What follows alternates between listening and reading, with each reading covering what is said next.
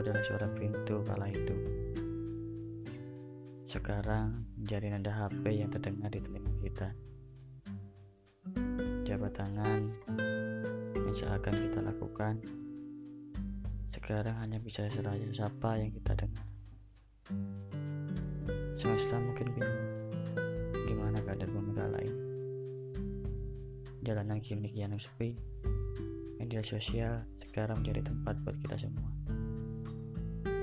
Teruntuk pendengar kali ini, senang rasanya kita bisa berkumpul kembali. Apa kabar?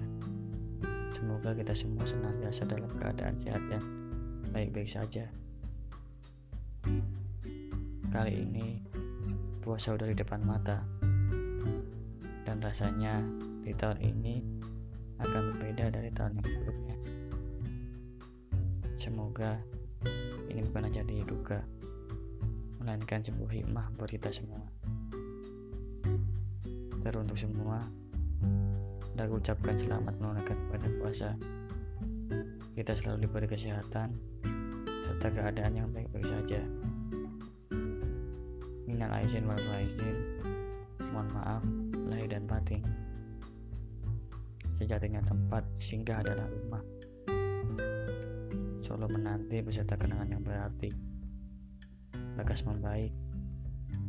Buat rindumu sampai menggebu, kelak berbuah akan sebuah temu.